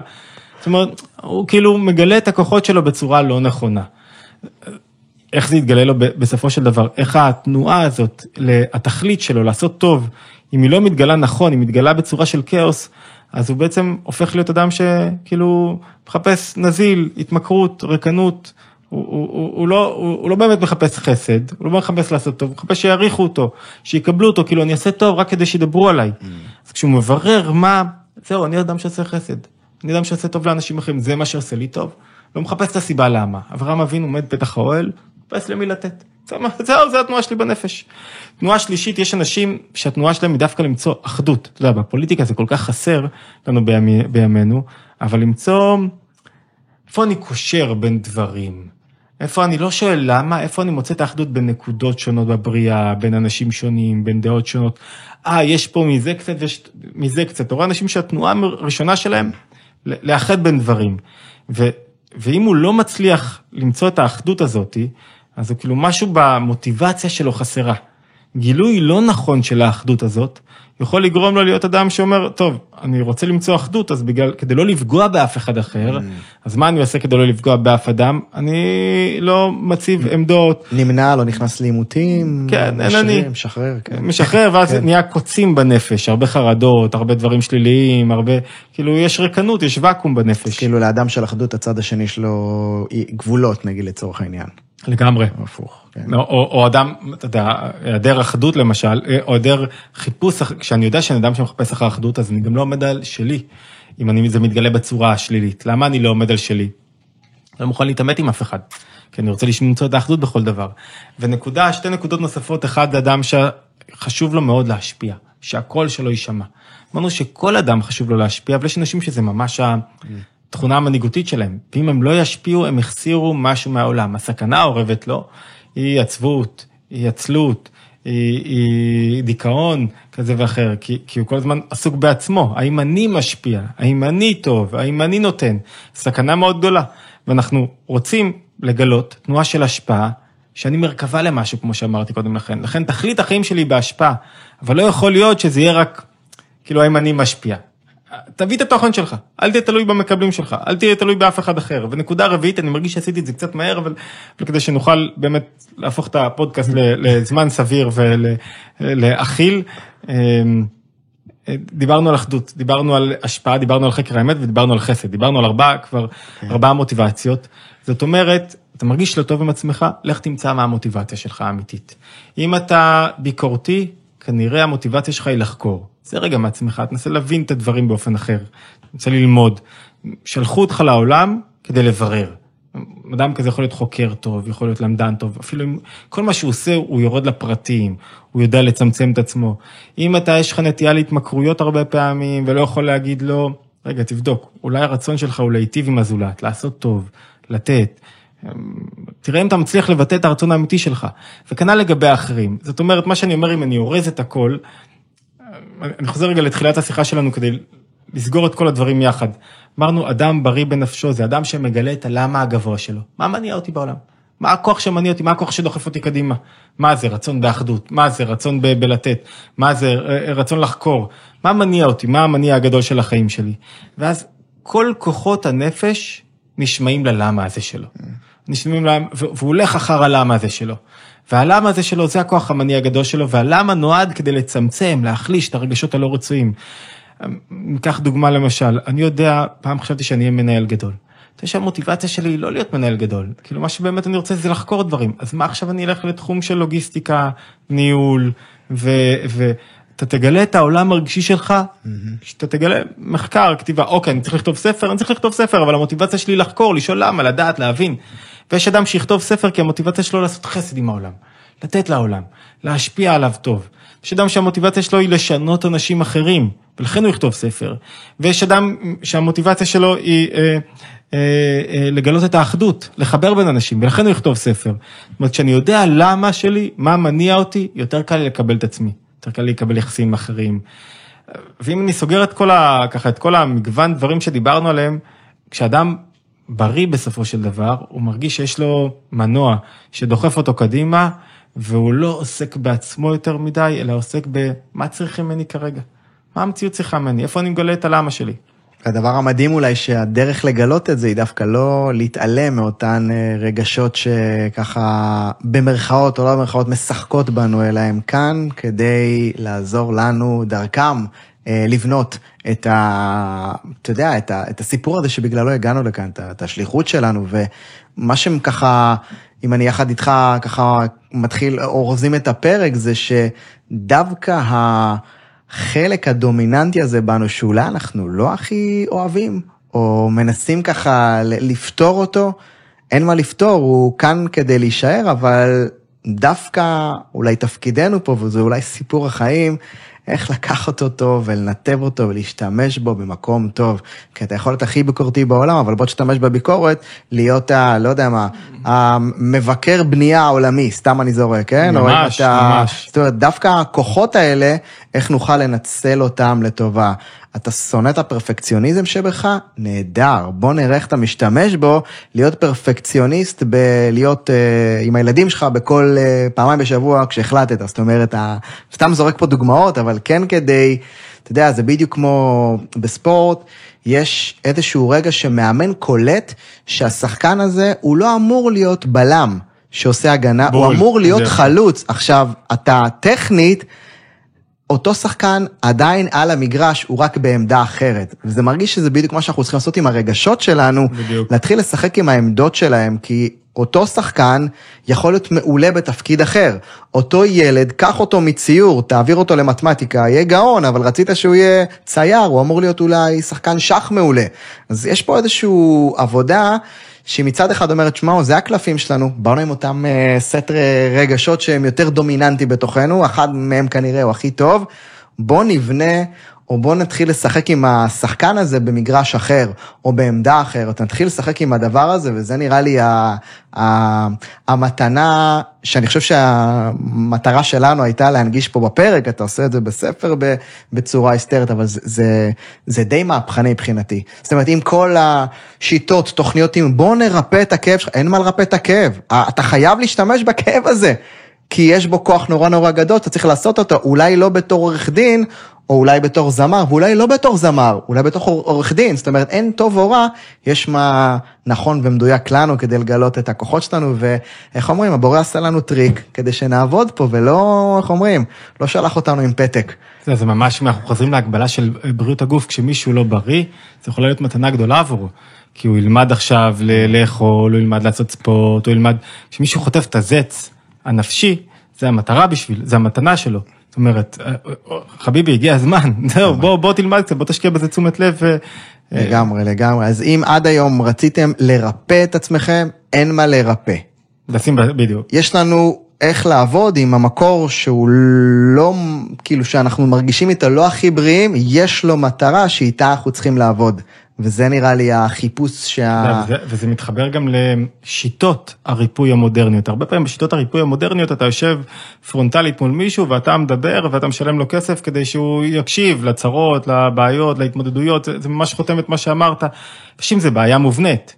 למה? אני משלם לך עכשיו, רוצה שתקשיב לי, איזה כיף אני יכול לדבר על עצמי. ככל שאני מדבר על עצמי, כל שמונת הנקודות שנגענו בהן, גורמות לרגע שלא רצוי, שוב להתרחב. עוד יותר להרגיש דומיננטי. עכשיו, עכשיו בוא נדבר עליי, ומה איתי, ומה אני עברתי, ואימא שלי, ואבא שלי בילדותי, ואשתי, ועשו לי, ולקחו לי, ואני קורבן של המציאות, ואכלתי אותה, וכל מיני כאלה, ואז אני מרחיב את הרגע שלא רצוי על ידי, פיתחתי לי פלטפורמה, הרבה פעמים להרגיש יותר לא טוב. אני לא מדבר על כל סוגי הטיפול, כמובן שיש טיפולים נהדרים, ויש לפעמים צורך בשיתוף, ודאגה בלב איש ישיחנה, ישיחנה לפעמים לאחרים, ודאי.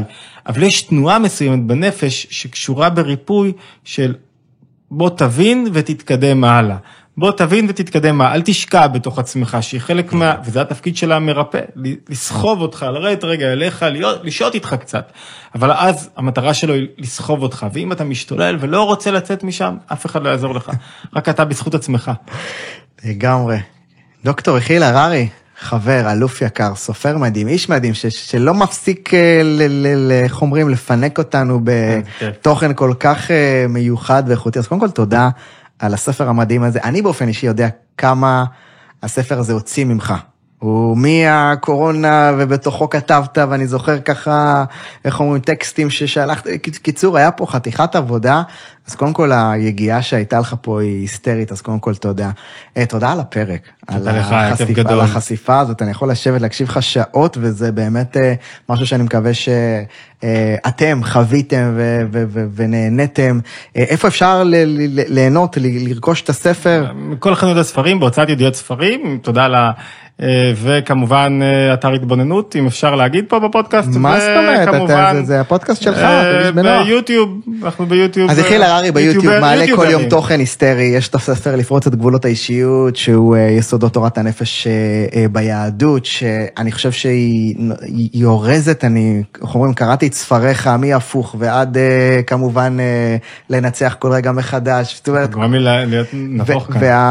ואני חושב שמה שאמרת בו זה שהספר ארז את כל הסיפור הזה של מי אנחנו בצורה, איך אומרים? להוסיף לו קומה, כן, ככה אני מרגיש. בדיוק, הכי מונגשת שיכולה להיות, שזה, איך אומרים? איך אומרים לך תודה, מי שככה מכם רוצה לקפוץ רמה, לקפוץ קומה, יכול לעשות את זה. אני חושב שהבשורה שלנו כאן, אולי בפרק הזה, שהייתה לנו חשובה, ואני אגיד אותה בדרכי, וכמובן אה, תוכלו לקחת את זה, אה, אין מה לפתור, יש רק עם מה לעבוד. זאת אומרת, באנו לפה, יש לנו איזו תכונה דומיננטית, איזה רגש דומיננטי שהוא אמור והוא יהיה איתנו, איך אומרים, בא לנו, הקלף הזה נדבק אלינו. ותשמחו בקרב, איזה כיף הזדמנות עכשיו להגיד אני כלומניק אפס. מפה בוא נתקדם. לגמרי. אני לא מגיע לי שום דבר ואני לא יכול, בוא נתחיל מלמטה, יהיה הרבה יותר קל. לגמרי, חד משמעית. אז אלוף, תודה רבה. לכו תהנו, נשאיר כאן לינק אפילו למטה, ככה שתוכלו לראות ולקבל ולקחת ולהמשיך ולהעשיר את עצמכם ולגדול. אז אה, אנחנו היינו הביולוגיה של הווינרים עוד פעם, עוד שבוע. תודה שהייתם פה חלק מהדבר המיוחד הזה. פודקאסט נדיר. אה, כיף גדול. מי שעדיין לא שמע את הפודקאסט, אה, התבוננות חייב, חייב, חייב ללכת ולהאזין לו. אני באופן אישי אוהב אותך כחבר, כאדם, כיוצר, ויש לך יכולת אדירה. לפשט את תורת הנפש בצורה כל כך מיוחדת, מ-400 זוויות, אז זהו, אז תודה. תמשיך, תמשיך. תודה רבה, נמשיך, אני יכול להמשיך. אלופים, תודה שהייתם, תודה שהגעתם, עוד פרק, נתראה בשבוע הבא, עוד פרק, ביולוגיה של הווינרים, נתראה.